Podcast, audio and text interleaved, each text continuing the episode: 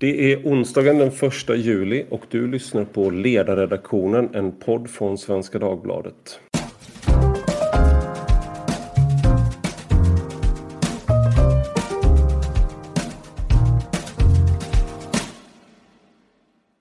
Jag heter Ivar Arpi och idag ska vi prata om särskilt utsatta områden och särskilt utsatta grupper för covid-19. För det har visat sig att människor som är födda i länder utanför Sverige, framförallt utanför Europa, har drabbats hårdare av covid-19. Fler blir smittade och har en högre dödlighet. Och varför ser det ut så? Och med mig för att prata om detta har jag Frida Sundqvist som är journalist på Expressen, men tidigare på Svenska Dagbladet. Välkommen! Och Olof Ehrenkrona som är återkommande skribent på ledarsidan och återkommande gäst i podden också. Välkommen Olof! Tackar! Jag tänkte vi skulle börja med dig Frida, för du har ju skrivit i Expressen, gjort en granskning om vilka eh, postnummer det är som drabbats hårdast och, och runt eh, tillsammans med fotograf och intervjuat människor i de här områdena. Kan du bara kort summera vad ni, vad ni fann i er granskning? Vi väl fick ut eh, uppgifter om postnummer, vilket var väldigt känsligt och svårt att eh, få ut från regionen, men när vi väl fick det så visade det sig ju att ehm, postnummer i områden där det finns, eh, som, som kan klassas som till exempel särskilt utsatta. Då. Det finns ju den polisdefinitionen kan man säga. Där har man också ett väldigt högt antal smittade Eh, av covid-19. Och det här, jag har begärt ut de här siffrorna innan vi började med masstestningen i, eh, i regionen i Stockholm. Så att de här siffrorna är personer som antingen då eh, har varit på sjukhus eller som har provtagits för att de arbetar inom vården. Men det vi såg var ju då att områden som eh, Rinkeby, Skärholmen, områden omkring Fittja centrum. Eh, vi har även tittat på områden i Södertälje som också är särskilt utsatta eh, och har många utsatta grupper. Det är Ronna, Lina och Geneta heter de. Eh, I de här områdena så fanns det väldigt många smittade. När vi såg det så vi jämförde också med andra områden, till exempel ehm, med Östermalm har vi tittat och även med eh, Djursholm som är en del av Danderyd. Där det inte alls finns eh, lika många smittade per, per postnummer eller per område kan man till och med säga. Det är svårt med vad man ska jämföra med men, men det står liksom helt klart. Vissa områden drabbas mycket hårdare av covid-19. Har ni i reportaget kommer ni fram till eh, varför det ser ut så? Alltså varför drabbas de här områdena hårdare? Jag vet att du ställer en fråga som du ställer till eh, Anders Tegnell är ju om det så här lyder din fråga. När det blir stressigt är det så att man prioriterar det som är en själv närmast och saknar ett multikulturellt tänk. Och han säger att det absolut inte är så att man eh, försökt att jobba mot alla grupper. Men vad, vad är det för bild tycker du som framtiden? Vad är liksom de vad, vad, kan vara förklaringen till att det ser ut så här? Dels i de här områdena så vet man att det är eh, trångbott. Det är väldigt många människor som bor tillsammans och det är också flergenerationsboenden här. Och så ser det ju inte ut eh, överallt i Sverige. Och, och, min tanke med den frågan är väl väldigt mycket, har de förstått det här när vi har gått in i den här pandemin? Har de insett för att kunna ge, eh, alltså enligt smittskyddslagen ska ju alla skyddas. Eh, har, liksom, har den svenska strategin också utgått ifrån ett enkelt perspektiv eller har man försökt tänka in många olika perspektiv? Jag låter honom svara på det. Jag har ju eh, skrivit om det här även tidigare, till exempel med information och så vidare, att det från början då redan tidigt i mars inte fanns översättningar eh, ute i förorter runt Järvaområdet. Och det är väl lite det som är tanken med min fråga, att har man fokuserat på det som är en själv närmast eller har man också tänkt kanske utanför Liksom den, den ramen man befinner sig i och tänkt på personer som, som löper större och högre risk att, eh, att drabbas. Vi har ju någonting som har... Det här har ju funnits som en liksom eh, underström lite grann. Att eh, redan när det visade sig att eh, många somalier ute på Järvafältet drabbades hårt så, så kom det upp lite grann. Men sen, jag upplever i alla fall att det har försvunnit fram till precis nu när eh, ungefär, du, du skrev, din artikel kom för några dag, ett par dagar sedan och sen eh, ungefär samtidigt eller om det var igår så kom Läkartidningen, då hade de gjort en studie där de visade Eh, så här skriver de då att det är uppenbart att svagt etablerade invandrargrupper har drabbats oproportionerligt hårt, såväl bland medelålders som äldre. För att ge ett perspektiv på vad detta innebär skulle en överdödlighet på samma nivå, om den drabbat befolkningen som helhet, motsvara mer än 4 000 extra dödsfall i åldersgruppen 40 till 64 år och 40 000 bland de över 65 år. Eh, och då, de menar då att man kan dra slutsatsen att vi, vi drabbas inte lika av covid-19. Men jag undrar, undrar lite om man tänker istället tänker att man varför har inte vi i media liksom du, du är ju fel person att ställa frågan till eftersom du har skrivit om det. Men jag undrar, det, det känns som att det här har försvunnit i pratet om riskgrupper, att det är äldre som är... Jag tror att eh, eh mycket av diskussionerna har ju nästan enbart handlat om att vi har haft en eh, väldigt höga dödstal på äldreboenden. Och på äldreboenden bor ju personer som också har, som är sjuka eh, eller som har, har ett behov av hjälp som inte kan bo hemma. Eh, och det har varit det man de senaste veckorna har haft fokus på. Det är ju det som eh, Stefan Löfven eh, sa i Agenda när han var med där 14 juni tror jag det var. Eh, att det enda som han ser som problemet det är de höga dödstalen på äldreboenden och så säger han att men det har ingenting med strategin att göra då. Mm. Eh, det är väl den delen som har varit eh, den dominerande delen i mediebevakningen, äldreboenden. Och det var därför, ska jag säga, som jag gjorde den här granskningen. Mm. För att jag skrev om det, jag skrev om det mycket i mars och början av april, men främst då i mars. Och sen nu så satt jag och funderade och insåg att det här perspektivet är helt borta. Och det är ett väldigt viktigt perspektiv. Mm. Och då bestämde vi oss för att göra den här granskningen. Och det är jag väldigt både glad och stolt över att vi kunde göra.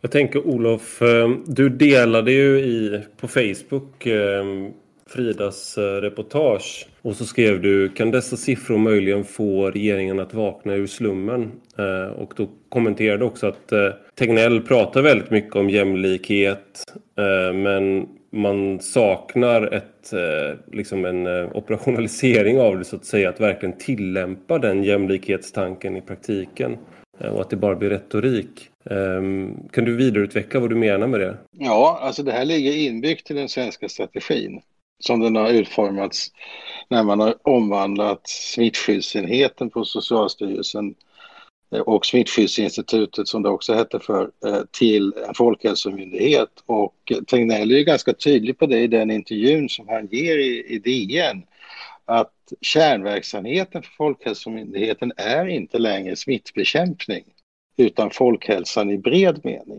Mm. Eh, och, och om kärnan inte är smittbekämpning då drabbas naturligtvis de grupper hårdast som är mest utsatta för smittan. Mm.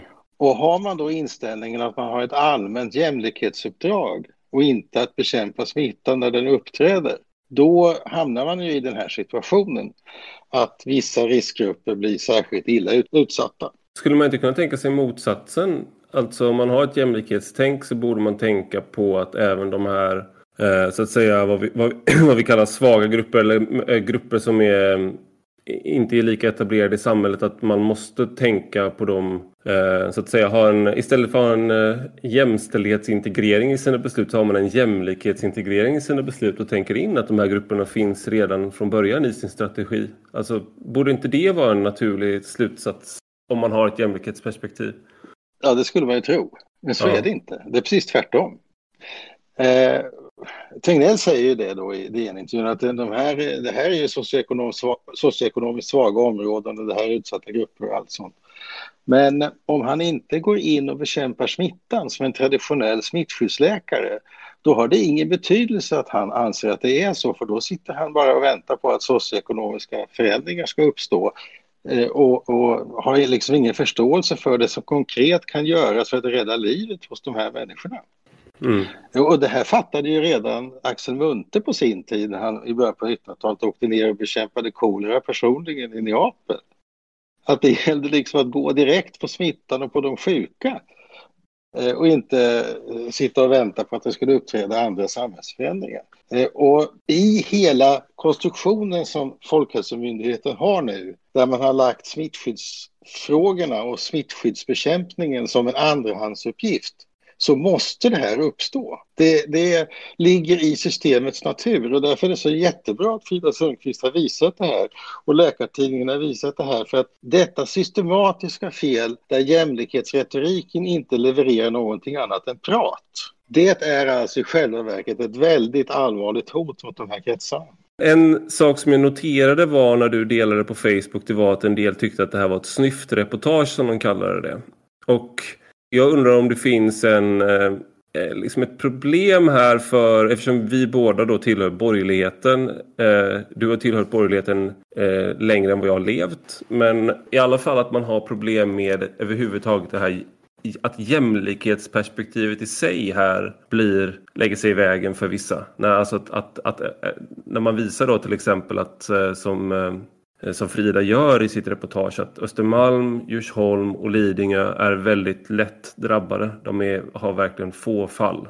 Eh, Medan eh, socioekonomiskt utsatta områden och invandrargrupper med svag etablering i landet, de är hårt drabbade. Och då att det i sig gör liksom att folk reagerar med, ja, ja men var är det individuella ansvaret här då? Jo, men det är ju inget individuellt ansvar om man blir utsatt för en smitta. Alltså det, är ju, eh, här, det här är sånt som inträffar innan, innan man vet riktigt vad som har hänt. Va? Men Smittskyddsmyndigheten har ett ansvar för att gå in och bekämpa smittan där smittan uppträder. Och den uppträder då i de här bostadsområdena. Jag skulle inte vara förvånad om det är så att man har tänkt att man inte vill peka ut de här grupperna genom att mobilisera och kraftsamla i de här områdena. Det kan mycket väl vara så, för det är så många tänker. Men i själva verket är det ju fruktansvärt allvarligt, för vad man gör är att man missar ju möjligheten att rädda liv i de här områdena. Man missar möjligheten att förhindra sjukdom. Eh, och man skulle ju aldrig tänka så vid en bilolycka, att man inte gjorde en omedelbar insats för att häva skadan och försöka rädda liv. Eh, men, men här blir alltså den politiska, eh, ideologiska överbyggnaden i Marx mening, den falska överbyggnaden över verkligheten, den tar över. Det blir politisk retorik av alltihopa och ingen gör något. Eh, jag tycker att det här är oerhört viktigt att det här åskådliggörs. Eh, och jag kan inte underlåta att se en parallell här till hur skolpolitiken har fungerat de senaste decennierna. Eh, om man satsar på en ordentlig kvalitet i skolan så får man också upp de grupper som, som finns i marginalerna. Och, och det här är en känd folkhälsopolitik egentligen. Den belades, belades av forskning redan 1981 av en som heter Rose. Och det har varit den svenska folkhälsopolitiken under hela efterkrigstiden. Att satsa på generella åtgärder för att se till att hälsan är generellt sett hög i befolkningen. Och de som gynnas mest av det, det är de grupper som har de svagaste, den svagaste sociala kapitalet och den svagaste hälsosituationen. För det är där den relativa förbättringen blir som störst. Eh, en sak som jag tänker här Frida är ju att man eh, Någonting som framkommer i, eh, i ditt reportage är ju också att man eh, när man tänkte sig att den här smittan skulle komma så tänkte man att den skulle eh, röra sig ungefär som en influensa och röra sig då över hela befolkningen. Men istället skriver du att det har varit, blivit som en klustersmitta snarare. Eh, kan du beskriva lite eh, vad det är och eh, varför det gör skillnad i det här, i det här sammanhanget? En influensa som alla vet blir ju, den smittar ju väldigt brett och alla i stort sett. Ehm, det här, jag tror inte att någon ännu förstår eller vet varför. Men coronaviruset som leder till covid-19 sprids istället i en mycket mindre begränsad grupp Ehm, jag, jag, jag, vågar nästan säga att det här är en grupp som också umgås inomhus, alltså grupper som umgås inomhus. Man kan till exempel tänka på eh, gruvarbetarna i Gällivare också. Um, en liten begränsad grupp som umgås inomhus eh, och som är nära varandra. Det kanske är någonting liksom med uh, Ja, partiklarna kanske stannar kvar i luften, vad vet jag. Eh, men så har det spridits då och ehm, därför som den eh, går liksom inte är inte lika utbrett smittad. Den slår inte lika hårt mot alla. Eh, och det som finns i de här områdena det är ju eh, Utom Förutom många saker som kännetecknar de här socioekonomiskt utsatta områdena så är det ju också verkligen att här finns det arbetare som inte kan stanna hemma eh, som eh, måste fortsätta gå till jobbet och som inte kan, liksom, de kan inte jobba hemifrån från eh, ett kontor eller från ett köksbord. Um, och då eh, kan man ju tänka sig att det också är på det sättet som smittan kan spridas. Det är många människor som, som till sist är i, i rörelse och kan få den från eh, jobbet. Det finns, jag vet Folkhälsomyndigheten har gjort en undersökning om vilka yrkeskategorier som drabbades. Eh, och då var det väl Chaufförer finns med, taxichaufförer och så vidare. Ehm, som fanns med på den listan. Så det är ju, den sprids ojämnt och i en, en mindre fysisk grupp. Jag ska också säga, jag måste fråga, tyckte folk att det var ett eh, snyft reportage det som jag skrev? Jätteintressant, för det har inte jag hört ännu. Nej, men jag, jag såg det var några kommentarer, men det är inte, de var inte representativa. Men jag undrar om det finns en... Eh, jag tycker jag stöter på det när man pratar jämlikhet ibland i eh, borgerliga kretsar. Då, till exempel när man påtalar de här skillnaderna som är väldigt... Eh, att, att, att det blir liksom att man... Eh, hur, hur ska man då diskutera det utifrån ett ideologiskt eh, perspektiv? Att människor tar eget ansvar och liknande. Att, att, att det kan finnas en, eh, vad ska man säga, en ryggmärgsreflex i alla fall att slå ifrån sig när då man till exempel kontrasterar, som du gjorde då, kontrasterar fattigare områden med rikare områden. Att det då finns en ryggmärgsreflex hos människor ibland som har eh, hjärtat till höger att, eh, tycka, att slå ifrån sig. Eh, men e-, egentligen så är det ju, kan det ju vara då saker som du var inne på att man helt enkelt har man, har, man bor väldigt stort och man bor väldigt få i liksom stora hus. Så att det, man kanske har tillgång till information snabbare och man umgås på ett helt annat sätt.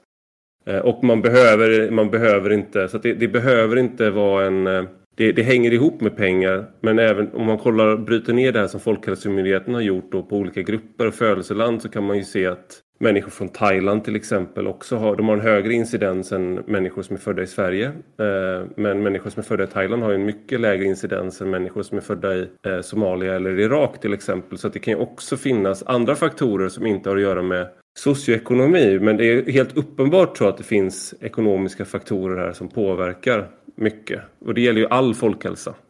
Men det, det gäller ju framför allt att de blir sjuka om de exponeras för smitta.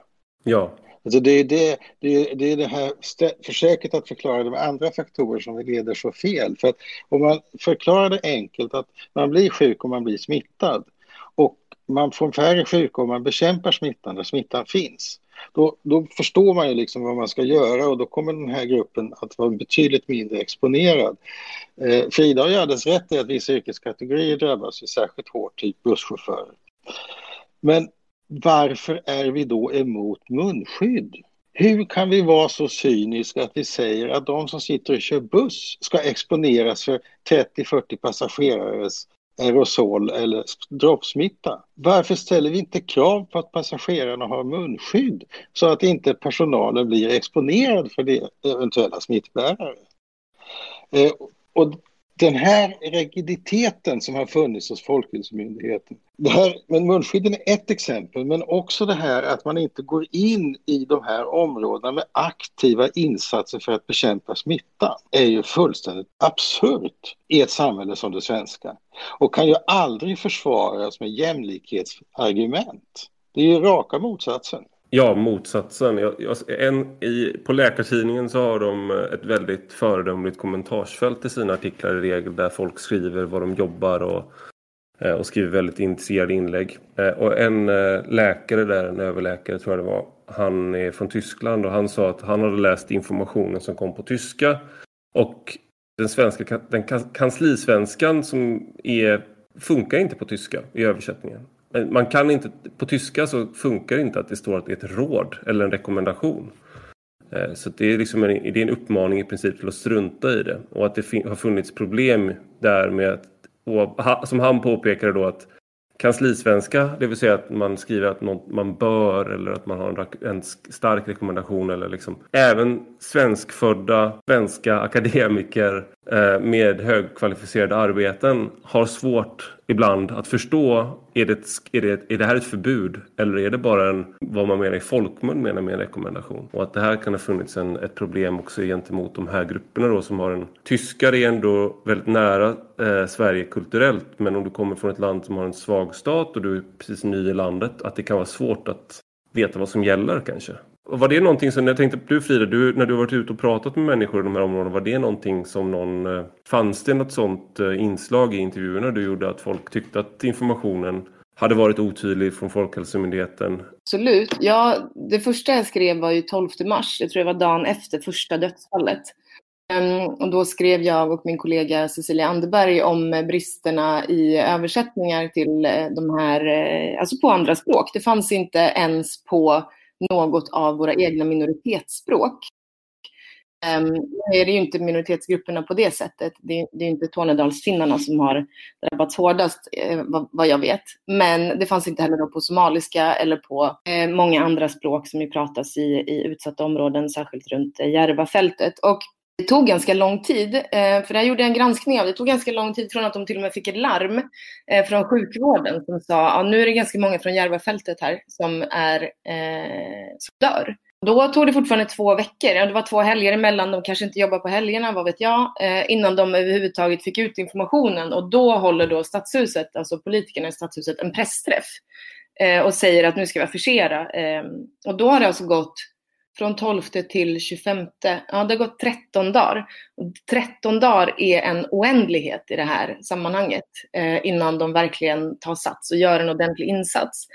Eh, och när jag gjorde intervjun inför den här artikeln som jag publicerade i söndags så pratade jag med Anders Tegnell och den, just den här biten kom inte med i artikeln men jag kan ju berätta det ändå. För då frågade jag honom mycket om eh, hur har ni liksom jobbat med informationen, är ni nöjda med hur det har funkat? Och då, då säger han att de var snabba med att få ut information i de här områdena. Och då sa jag, men du, det stämmer inte. Här har jag skrivit om, jag har själv varit där, åkt runt i de här områdena de första veckorna. Eh, och jag bor ju ganska nära också, så att det, det är inte, jag bor själv nära ett utsatt område, ett riskområde. Då. Ehm, jag vet ju mycket väl att det här fanns inte och ändå så hör jag då på Anders Tegnell när jag intervjuar honom och så säger han någonting som helt enkelt, det förvånade mig också. Eh, Vad svarade han på det då? Jag minns faktiskt inte ens vad han sa. Han sa väl mest att han tyckte att det var, eh, men han tyckte nog ändå så att de hade jobbat ganska snabbt och så vidare. Eh, men från att man klassade det som en samhällsfarlig sjukdom 1 februari så dröjer det ju sex veckor, liksom, sju veckor till, eh, till det här ens kommer ut. Det är ju eh, alltså det är jätte, jätte, jättelång tid och då tänkte jag att det kanske saknas, saknas Eh, att de kanske inte kan erkänna att allting inte var helt perfekt i början. Ehm, och det här var en av de bristerna som fanns här. Sen har ju den diskussionen förändrats ganska mycket har jag märkt. Ehm, och nu så pratar man då istället om, eh, och det har skrivits om att ehm, ja, men de här grupperna kanske inte följde eh, rekommendationerna och det kanske saknades information. Och, och sen har det blivit upprört över att man har sagt att det har saknats information, man har pekat finger och sagt titta på svenska medelklassen, den åker till Åre. Mm, de följer inte heller liksom, direktiv eller ja, rekommendationer som det. Eh, men, men det som jag tycker är jätteviktigt och som gör att jag biter mig fast i det här ämnet, det är att det faktiskt är de här områdena som folk dör. Det spelar ingen roll liksom, hur mycket du pekar på andra grupper. Det spelar ingen roll hur, liksom, hur sur du är för att fokus hamnar här. Det är jätteviktigt att man ska ge alla människor en möjlighet att, att överleva. Alltså man måste kunna rädda liv. Det är, utifrån ett informationsperspektiv så var det helt enkelt inte alls bra, vilket vi skrev om liksom, redan i mitten av mars. Jag tänker Olof, Eh, om vi, vi ska politisera det här lite. Det här är ju områden där eh, de allra, allra flesta röstar på Socialdemokraterna. Eh, är det här liksom... Eh, Finns det en politisk udd i det här att man har miss, alltså när, man misslyckas så här eh, med att skydda de här grupperna som bor i de här områdena? Eh, alltså de utsatta grupperna som bor i utsatta områden. Eh, är det ett, liksom ett, kommer, kommer någon tolka det som ett misslyckande av socialdemokratin? Alltså jag, jag tycker att det här är ett misslyckande, av ett, eh, misslyckande för ett paradigm, ett jämlikhetsparadigm. Eh, och det här ska vi ta på väldigt stort allvar, för det är precis som Frida säger, att det är de här människorna som dör. Och det här man säger då att de har inte råd att sjukskriva sig eh, och, och därför går de till jobbet och de följer inte instruktionerna och allt sånt. Men det finns en annan typ av ansvar som vi känner när vi har jobb. Ansvar för medarbetarna, ansvar för klienterna, eh, ansvar för att gruppen som är på jobbet fungerar. Och, och, och det kan finnas många överväganden som gör att folk går till jobbet och eh, även om de har symptom. Men framför allt så är det ju så att Folkhälsomyndigheten har ju inte accepterat att det har funnits asymptotiska smittbärare. Det är naturligtvis precis lika vanligt hos de här som jobbar på timmar eller kör buss eller vad det kan vara, att inte ha symptom men ändå smitta. Det är ju inte deras fel att Folkhälsomyndigheten vecka ut och vecka in vägrar att acceptera det. Eh, och eh, det som har hänt är ju att den här gruppen har aldrig definierats som en riskgrupp. Utan myndigheterna har satt upp det här målet, vi ska låta smittan spridas lagom i samhället så att inte sjukvården kollapsar. Och sen så ska vi se till att de äldre skyddas. Den här gruppen har man inte brytt sig om. Och när man då inte bryr sig om smittbekämpningen utan prioriterar ner den till, till, till förmån för allmän hälsovård, då är det ju så att de grupper som blir mest exponerade också drabbas hårdast och de dör. Och de blir väldigt sjuka och de får mer för livet. Man måste ju gå på själva orsaken till sjukdomen, det vill säga smittan. Det är den som ska bekämpas. De socioekonomiska variablerna bakom att folk bor på ett visst sätt är i det läget absolut ointressanta. Tänk om Axel Munthe hade stått i Neapel och börjat tala socioekonomi istället för att vårda kolera-sjuka. Tänk om den barmhärtige samariten hade ställt frågan framför rånaren brottsoffret, hur många år har vederbörande kvar att leva? Ska vi vårda honom eller ska vi inte vårda honom? Alltså man måste ju förstå, det måste finnas sense of urgency. Myndigheten ska ju agera som en smittskyddsläkare borde agera, nämligen stenhårt ut på fältet och jobba för att få bort smittan. Det har inte alls varit tal om detta här. Det har varit en, en marsch i ultrarapid mot döden för väldigt många människor. Jag tänker en, en sak som jag undrar lite över när jag läser ditt reportage Frida. Det är också det här du skriver om att eh, det var väldigt lätt att få ut eh, information om smittspridning eh, för Rinkeby, Tensta, Hjulsta, Husby och Akalla. Eh, men eh, gett dem hemlighetsstämpade smittspridning eh, för eh, Drottningholm, alltså Lovön där Drottningholms slott ligger och på Lidingö och sådär. Alltså jag, jag, framgick inte riktigt i, i texten varför det skulle kunna vara, vara så. Har du fått någon liksom, och sen så till slut när ni begärde ut så uh, fattade de beslut att lämna ut alla uppgifter. Men varför denna skillnad i hur man hanterar det där? Jag, jag, vet inte varför det var en sån skillnad. Ehm, det var ju egentligen inte lätt att få ut de första siffrorna heller. Ska jag säga.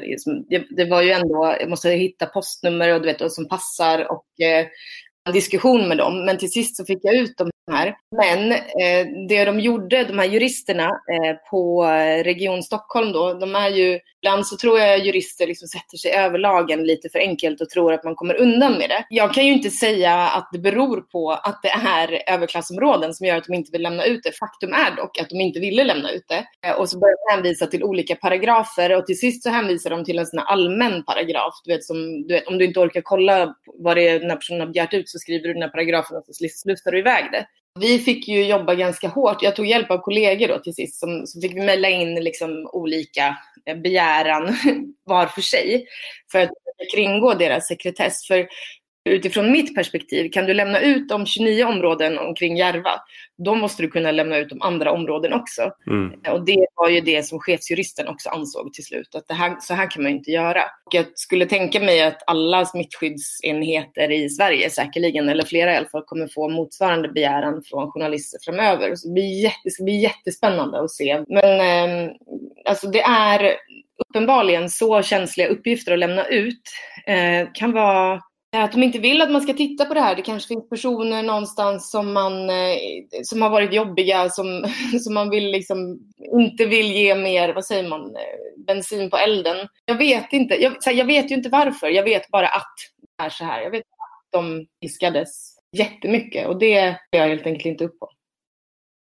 En sak jag tänker på med de här eh, eh, sakerna är att vi fortfarande, alltså vi är ju ett, ett, jag trodde man gick igenom, eh, när man kollar på Stockholm och vilka som bor i Stockholm så finns alla världens länder representerade som födelseland förutom Vatikanstaten i Stockholm. Och men den självbilden finns inte riktigt. Att vi är som en, om man tänk, skulle se på att man är ett eh, Imperium är ju ett väldigt belastat ord men eh, om man tänker att man skulle se på eh, att Stockholm faktiskt har hela världen eh, så, alltså, och att man ska då en myndighet om man har jämlik hälsa som mål eh, egentligen alla myndigheter att man faktiskt arbetar mot samtliga språk i hela världen. Inte liksom kanske att man behöver ha samtliga språk med men att det är, det är en helt annan typ av eh, Eh, Eh, administration som kanske krävs för att vara en effektiv myndighet i ett sådant sammanhang. Eh, samtidigt då som man kan se att även de här mönstren finns i,